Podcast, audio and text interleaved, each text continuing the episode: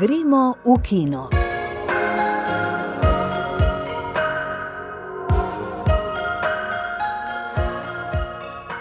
Dober dan. Podeljeni so Oskari in imamo velikega osmoljenca, presenetljivega zmagovalca, neposrečeno šalo in nepotreben udarec.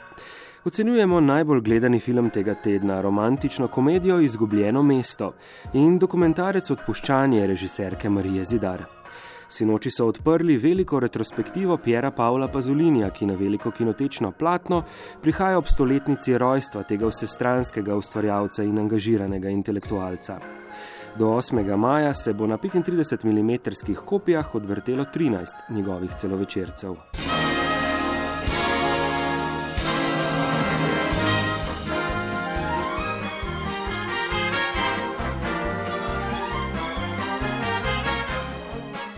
Kaj prinaša Pazolinijeva retrospektiva v naslednjih minutah? Začenjamo pa še svežimi zlatimi kipci.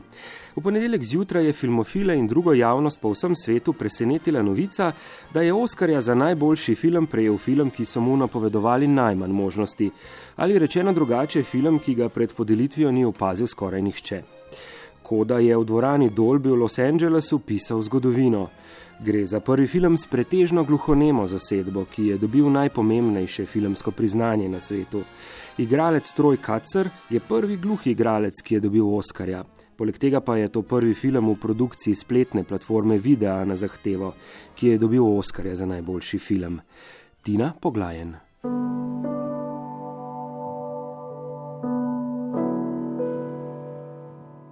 Tudi drugi razlogi so, zakaj je zmaga filma Koda nekaj posebnega.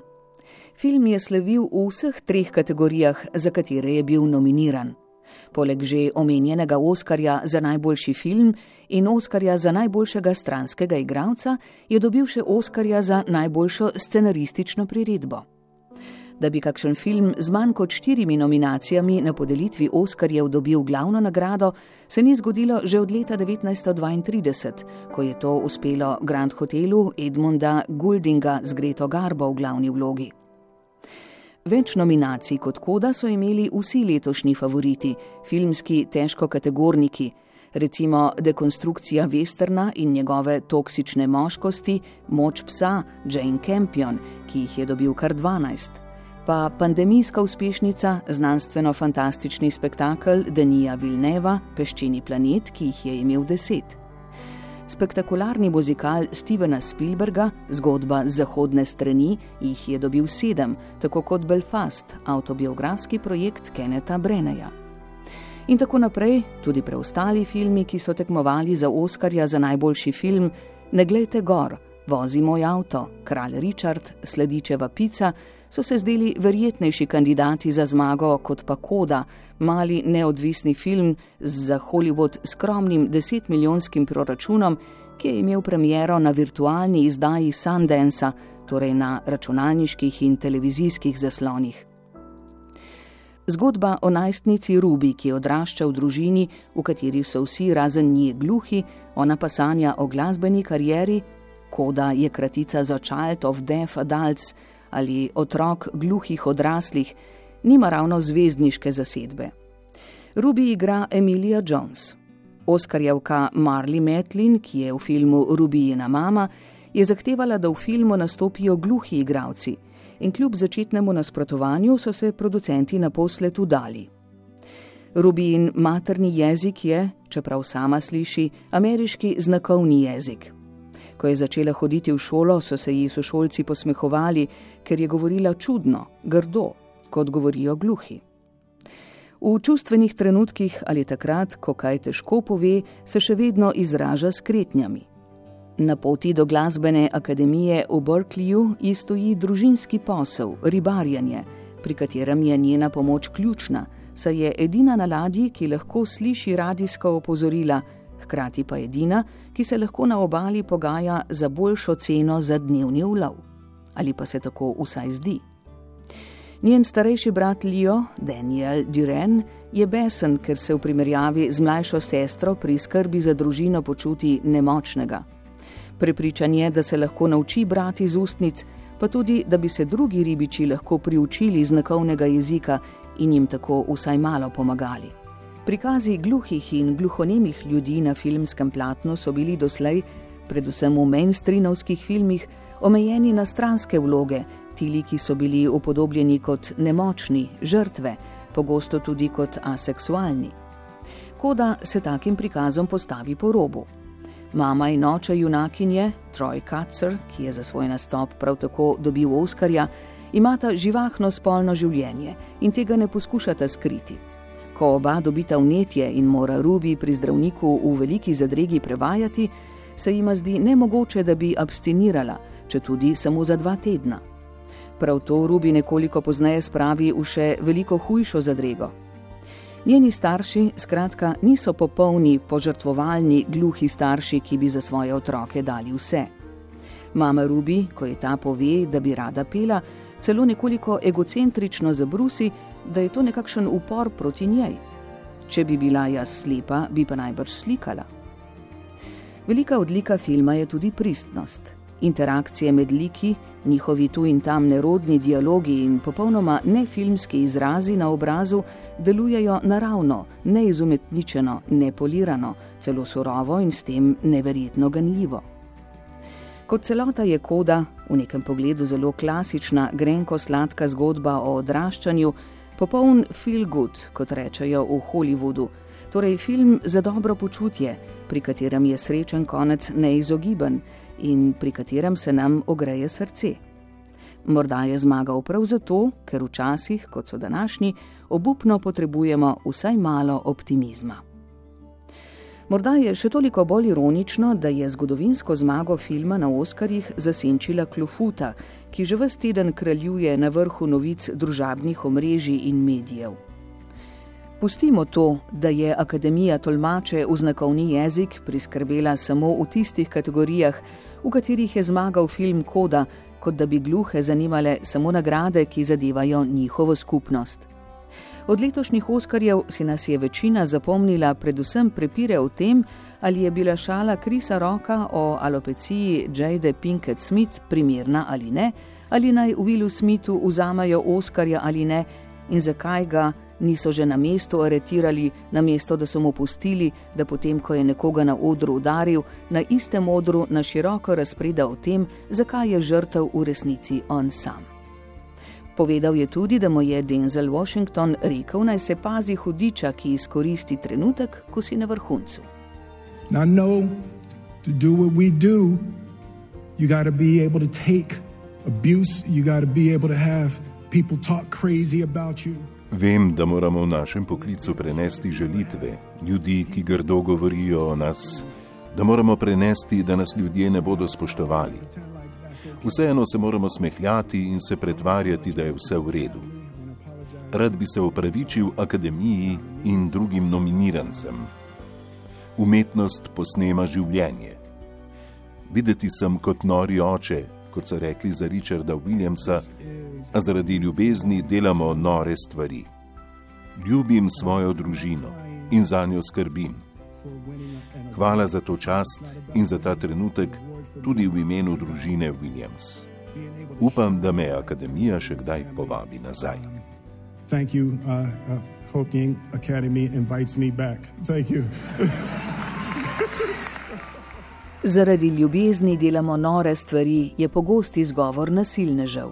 Ali kot je zapisal španski cineast Pedro Almodovar, njegov govor je spominjal na govor vodje kakšnega kulta. Hudič ne izkoristi trenutka, hudič pravzaprav sploh ne obstaja. Smitov govor je fundamentalistični govor, ki ga ne bi smeli niti slišati, niti videti.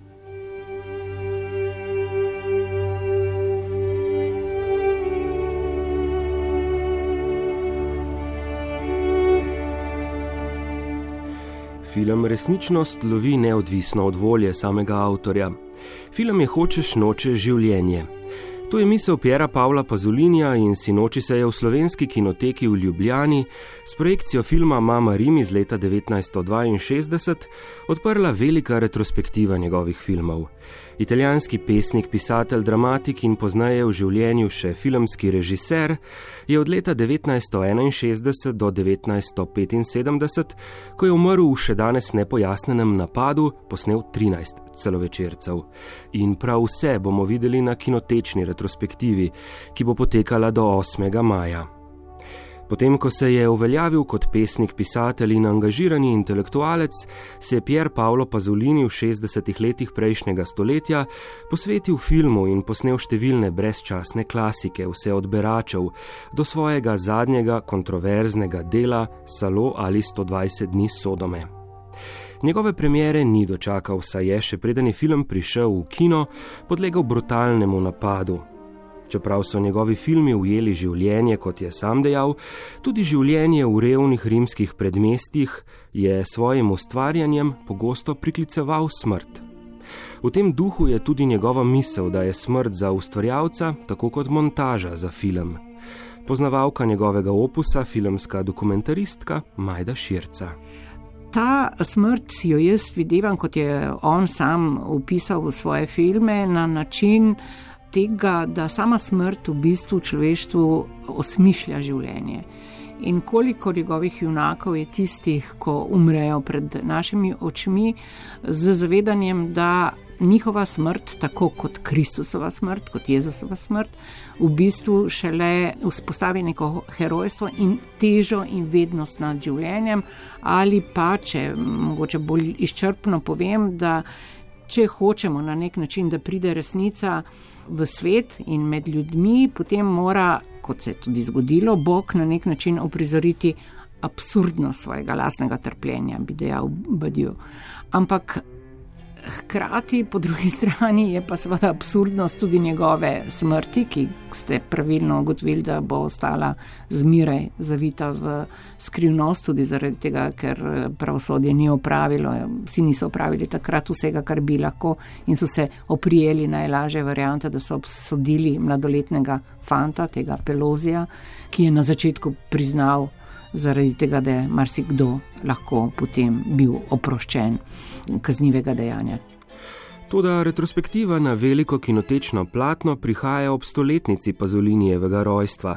Ta je bila 5. marca in bo bolj kot njegovo skrivnostno smrt slavila skoraj vsa dela igrana in dokumentarna, kar jih je ustvaril, ko se je pozno pri 39 letih samostojno lotil filmske režije in drugih nalog, ki jih terja avtorsko ustvarjanje filma. Pazolinijeve filme bodo v slovenski kinoteki v Ljubljani predvajali s 35 mm kopij. So urednica kinotečnega programa Varja Močnik. V kinoteki se bo med retrospektivo do 8. maja odvrtelo res veliko število filmov. Prikazali bomo vse njegove celovečerne filme in tudi dva dela uh, omnibusov, ki jih je Pazolini snemal z drugimi režiserji. Na ogled bo pa tudi nekaj dokumentarnih filmov, ki govorijo o različnih fazah Pazolinjevega življenja ali pa fazah njegovega ustvarjanja. Nekatere med filmi bomo pokazali dvakrat, tako da si le naj gledalci ogledajo naš spored in pogledajo, kdaj lahko ujamejo filmi. Nekatere filme smo nekako začinali, rečemo temu, tudi z uvodi ljudi, ki so se ali pa se intenzivno ukvarjajo z Pazolinjevim filmskim delom in bojo povedali ne svoje poglede na njegovo ustvarjanje. Nocoj bo tako Majda Širca uvedla projekcijo njegovih beračev, celovečernega prvenca iz leta 1961, ki se prav tako kot omenjena Mama Rim ukvarja s sanjami in prizadevanji ljudi z družbenega roba, prostitutk, zvodnikov, postopačev, da bi ujeli boljše življenje. V nedeljo bo filmski teoretik Stojan Pelko pospremil projekcijo Matejevega evangelija. Teden zatem bo psihiater in psihoanalitik Matjaš Lunaček uvedel erotično tragikomedijo Izrek. Zvrstili se bodo še drugi gostje. V dvorani Silvana Furlana bodo odprli razstavo fotografij, med njimi pa Zolinijevega osnovnošolskega spričevala, saj je del mladosti preživel v Sloveniji, v Idriji.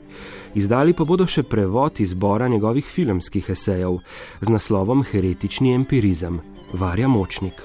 To je eh, zbornik Pazolinjovih tekstov v filmu, ker namreč poleg eh, tega, da je bil izjemen filmski ustvarjalec, je tudi intenzivno teoretsko premišljal ne samo svoje delo, ampak tudi splošno neko filmsko um, pokrajino tistega časa. Uh, jaz mislim, da je Pazolinija zelo fajn brat, zato ker ima še dan danes en tak zelo svež in oster pogled na film.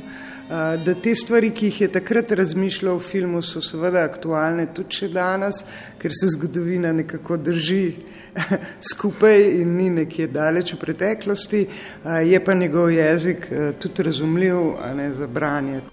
Velika Pazolinijeva retrospektiva, ki na kinotečno platno prinaša tudi nekaj dokumentarnih del o tem neverjetno razgledanem renesančnem, a vendar sodobnem vsestranskem ustvarjalcu, je slovenski uvod v številne dogodke, ki bodo tako pri nas kot v Italiji in drugje potekali ob stoletnici rojstva Piera Pavla Pazolinija.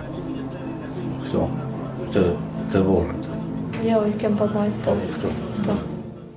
Odpuščanje celovečerni prvenec slovenske režiserke, nekdanje novinarke Marije Zidar, se odvija v sodobni Albaniji in odpira univerzalno temo, kako je mogoče dolgoletne, celo medgeneracijske zamere odpustiti in se pomiriti svojo preteklostjo in preteklostjo svojih bližnjih, potem ko se zgodijo najhujše stvari, denimo zločin.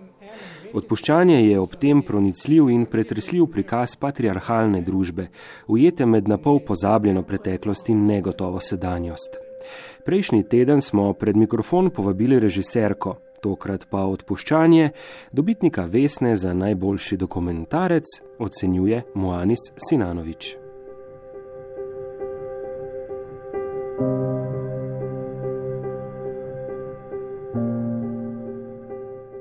Albanska kultura je v zadnjem obdobju postala objekt zanimanja številnih eksotike željnih zahodnjakov, hipsterjev, novinarjev in umetnikov. Potem, ko je slovanski del Balkana po burnih 90-ih in eurointegracijski sodobnosti izgubil nekaj privlačnosti, so v senci ostali Albanci, kamor predstavniki bogatejšega dela sveta projicirajo svojo strast po skrivnostnem, nenavadnem in tradicionalnem. Tema odpuščanja v tem oziru ni posebej izvirna. Marija Zidar se odpravi na podeželje raziskati napetost med moderno zakonodajo in tradicionalnim etničnim kanonom, predmodernim pravnim sistemom. V zemljiškem sporu je življenje izgubilo mladoletno dekle. Tradicija veleva, da imajo okolica, včasih predvsem duhovniki, zgodba se odvija med albanskimi kristijani, danes pa tudi državne institucije leto dni časa za medijacijo, da bi se izognili krvnemu maščevanju. Dokumentarni film je po svoji formi precej klasičen, sledi znanemu receptu navidezno brezinteresnega beleženja dogodkov, v katerega pa je upleteno breme montaže. Oko kamere je pozorno, uspemo ujeti ključne izjave, čustvene odzive, pogovore in medčloveške odnose. Ponekod pa se kljub temu ne moremo ogniti vtisu, da so se akterji uživeli in da so pod vtisom kamere zadevo začeli vsaj malo in morda ne povsem ozaveščeno nekoliko dramatizirati. Pomembno vlogo v filmu imajo tudi stvari, ki se zgodijo zunaj glavnega toka dogajanja. Denimo trenutek otroške igre, decembrski prazniki, obiski kavarne. Za naše razumevanje prikazanega okolja so ti prav toliko pomembni kot zaplet in vprašanje prava. Tudi razmerje med razumevanjem enega in drugega tipa zakonov ni prikazano kot odnos med dvema monolitoma. Različni ljudje ga razumejo na različne načine, z različnih izhodišč, od Jezusovega nauka o milosti do zasledovanja sekularnih principov. Poleg medčloveških odnosov pomembno vlogo igrajo tudi utrinki iz veličastnih albanskih gora in preprostega kmečkega življenja. Tu in tam na platnu zagledamo prizore sublimne lepote. Vendar pa lahko v tem oziru opazimo nekaj rezerve. Film bi lahko okolje še bolj izkoristil, Iz takšnih in drugačnih razlogov, ki so morda povezani tudi z objektivnimi okoliščinami, ne izkoristi celotnega cinematičnega potencijala in na ravni poetike uporablja nekatere dokumentaristične manjerizme. Kljub nekaterim pomankljivostim je končni vtis dober. Film je dovolj občutljiv in dobimo pomemben pogled v enega od delov albanske kulture kulture v najširšem smislu, ki ne zajema samo določenih običajev, temveč tudi bivanska okolja, poleg podeželja je tu še mesto, in oblike družabnosti. Vse to skozi prizmo v osnovi univerzalne zgodbe o smrti starših in otrocih, pravici in razumevanju resnice. Te nam vse do konca ne uspe čisto razbrati. Film nam nikoli ne ponudi odgovora na vprašanje, kaj se je zares zgodilo, in se ne pretvarja, da je tega zmožen. Ravno skozi prizmo nedostopnosti izvornega dejanja nam prikaže delovanje zakonov, ki se nanašajo na njega. You led me straight to the lost city. Now, prepare to die. There are just hundreds of snakes in this temple just waiting for us to show up. What? Why aren't they biting that guy? This is ridiculous. Romantična komedija Izgubljeno mesto je najbolj gledani film preteklega tedna, ki si ga je po zadnjih srednjih podatkih ogledalo več kot 4700 gledalcev. Za vrat mu diha druga premjera prejšnjega tedna, prav tako romantična komedija Prasica slabšalni izraz za žensko. A vrnimo se k izgubljenemu mestu. Kot se za žanr romantične komedije spodobi, je zaplet baročno kompleksen, prav tako kot je razplet predvidljiv. Toda glavni čar takšnih filmov je v komediji in romanci, kjer izgubljeno mesto pokaže dobro mero inovativnosti. V recenziji razmišlja Igor Harp.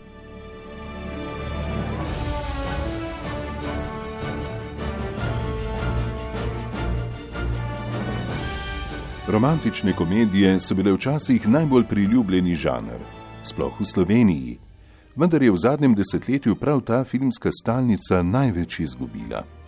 Pa ne samo na področju kakovosti, temveč predvsem pri količini, saj ameriški filmski studiji to vrstnih filmov praktično ne snemajo več, če pa jih že posnamejo, so redko deležni podobne pozornosti kot filmi o superjunakih. A zdaj smo dobili izgubljeno mesto, izjemo, ki potrjuje pravilo. Filmska uspešnica je hit tudi pri filmskih kritikih, ki izpostavljajo usporednice novega filma s klasiko iz 80-ih Lov za zelenim diamantom, v katerem sta navduševala Catherine Turner in Michael Douglas. Tudi v sedanjem filmu je glavna junakinja pisateljica romantičnih pustolovščin, ki se znajde v pasti zlobneža v džungli, vendar pa je ne rešuje izkušeni pustolovec, temveč nekoliko nerodni maneken, ki je zaslovel s poziranjem za naslovnice njenih knjig. Kot se za žanr spodobi, je zaplet tako baročno kompleksen, kot je razplet predvidljiv, a glavni čar teh filmov je seveda v komediji in romanci, kjer pa izgubljeno mesto pokaže dobro mero inovativnosti. K temu veliko prispevata Sandra Bullock in Channing Tatum v glavnih vlogah, saj imata dober občutek za komedijo in izžarevata dovolj medsebojne privlačnosti, da je prepričljiva tudi njuna romanca. Žal se film prepogosto zagozdi v predvidljivih klišejih, kjer izgubi tempo, kar nekje na polovici filma načne gledalčevo zatopljenost v neverjetni dogodek. Posledično so prenekatere scene videti kot na pol izpiljeni gegi ali štosi, ki jih scenaristom in režiserjema ni uspelo docela integrirati v zgodbo, s tem pa je omejen oziroma uničen tudi njihov komični učinek. To še posebej velja za celotni zgodbeni lok pisateljičine agentke, ki se prav tako odpravi na reševalno akcijo, pa vsem nedodelan pa je tudi antagonist, ki ga igra Daniel Radcliffe. Grandiozne načrte in zakompleksanost le mimobežno razkrije v dialogih, v zgodbi ali z igro pa ne uspe prikazati napovedane megalomanskosti. Ta vtis je še toliko bolj očiten ob boku nedavne uspešnice Uncharted, kjer zlikovca podobnega kalibra bistveno bolje odigra Antonio Banderas. A kot omenjeno, film držita po konci romantična zvezdnika. Bullock je odlična v vlogi pisateljice, ki je prepričana, da ima zmeraj prav. Tatum pa prav tako v vlogi negovanega mišičnjaka brez uporabnih spretnosti za preživetje v džungli, a z neustavljivo kavalirsko predanostjo ženski, ki ga je naredila slavnega. Dobro se obnese tudi Brad Pitt v vlogi specialca, ki pomaga Tatumovemu liku, vendar je to žal tudi edina stranska zgodba, ki navduši. Barvit film je poln živahne džungle, kjer sicer mrgoli nevarnosti, kot so pijavke in vulkani, a je ta zmeraj prikazana v vizualno navdušujočih podobah. Končni rezultat je lahkoten film, ki bo ostal v spominu zaradi ene ali dveh scen, a morda boste navdušenje gledalcev in število prodanih kart poskrbela za vrnitev žanra. Monsieur le Président, on peut légitimement s'interroger sur la situation critique que traverse la société française. Ne pensez-vous pas y être sourd, voire impuissant? Od včeraj si na rednem sporedu Kinodvora lahko ogledate novi film režiserja Brinoja Dimona z naslovom France. Film, ki je bil premjerno prikazan na lanskoletnem festivalu v Kanu in je močno zasiden v satiri prek glavne junakinje, pomenljivo poimenovane France, igrajo nekdanje Bondovo dekle Leja Sejdu, ponuja izrazito avtorski pogled v drobovje medijskega sveta pred, predvsem pa za kamerami. France si je ogledala Petra Meterc.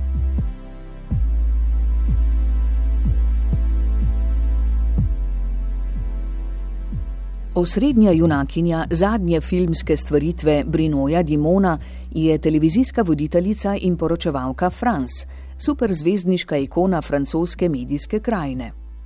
France je tista, ki jo predsednik Macron v enem od prvih, pa tudi najbolj domiselnih prizorov filma na novinarski konferenci pokliče prvo, pa čeprav to pomeni, da ga bo s svojim vprašanjem malo da ne strla.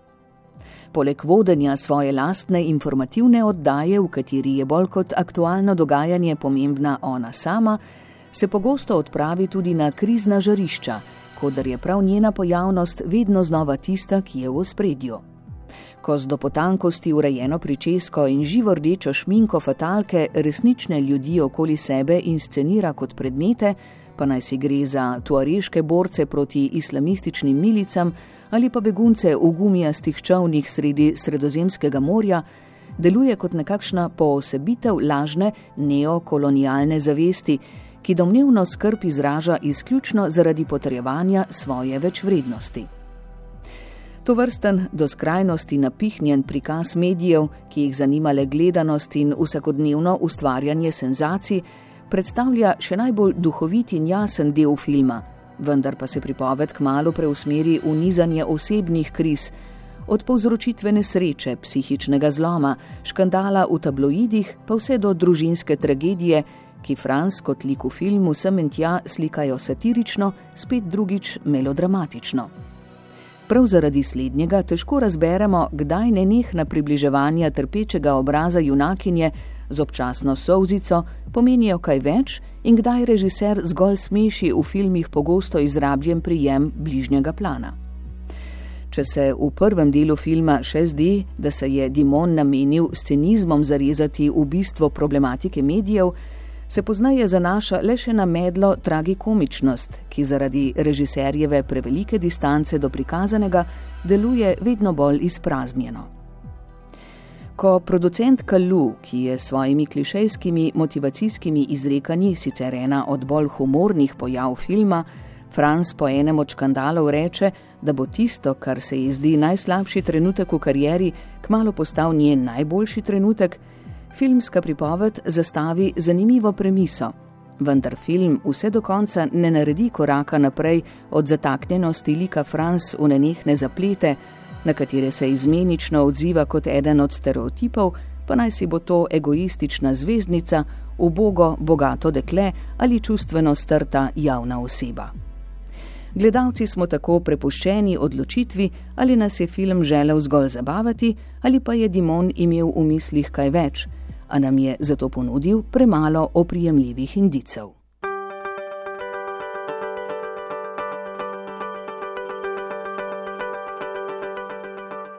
Za Evropsko filmsko nagrado Lux se letos potegujejo filmi Bek režiserja Jonasa Poharja Rasmusena, Velika svoboda avstrijskega režiserja Sebastiana Majzeja in Quo Vadis Aida Jasmile Žbanič iz Bosne in Hercegovine.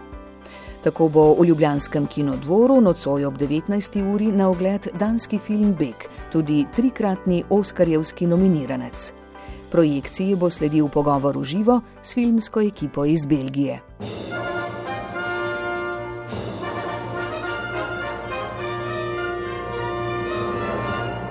V času, ko pozivi k miru in prekinitvi ognja v Ukrajini prihajajo z vseh strani, velja preveriti, kaj nam o nesmiselnosti vojne in človeškega trpljenja, ki ga prinaša, govorijo dela iz zgodovine sedme umetnosti.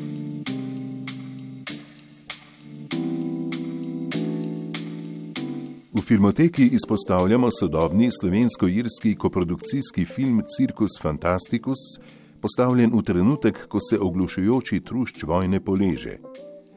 Ljudje v tem filmu ne govorijo, ampak to ne pomeni, da je to nemi film.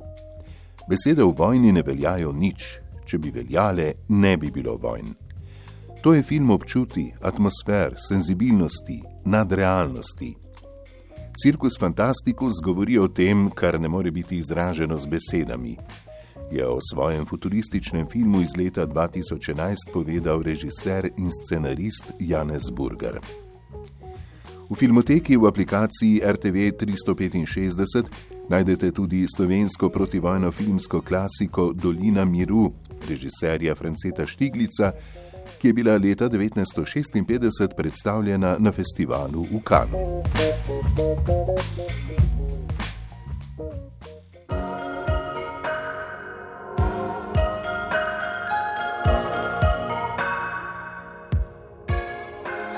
To je bila oddaja Gremo v kino. Čaka vas v vaši aplikaciji za podkaste in na spletnih straneh Radia Slovenija.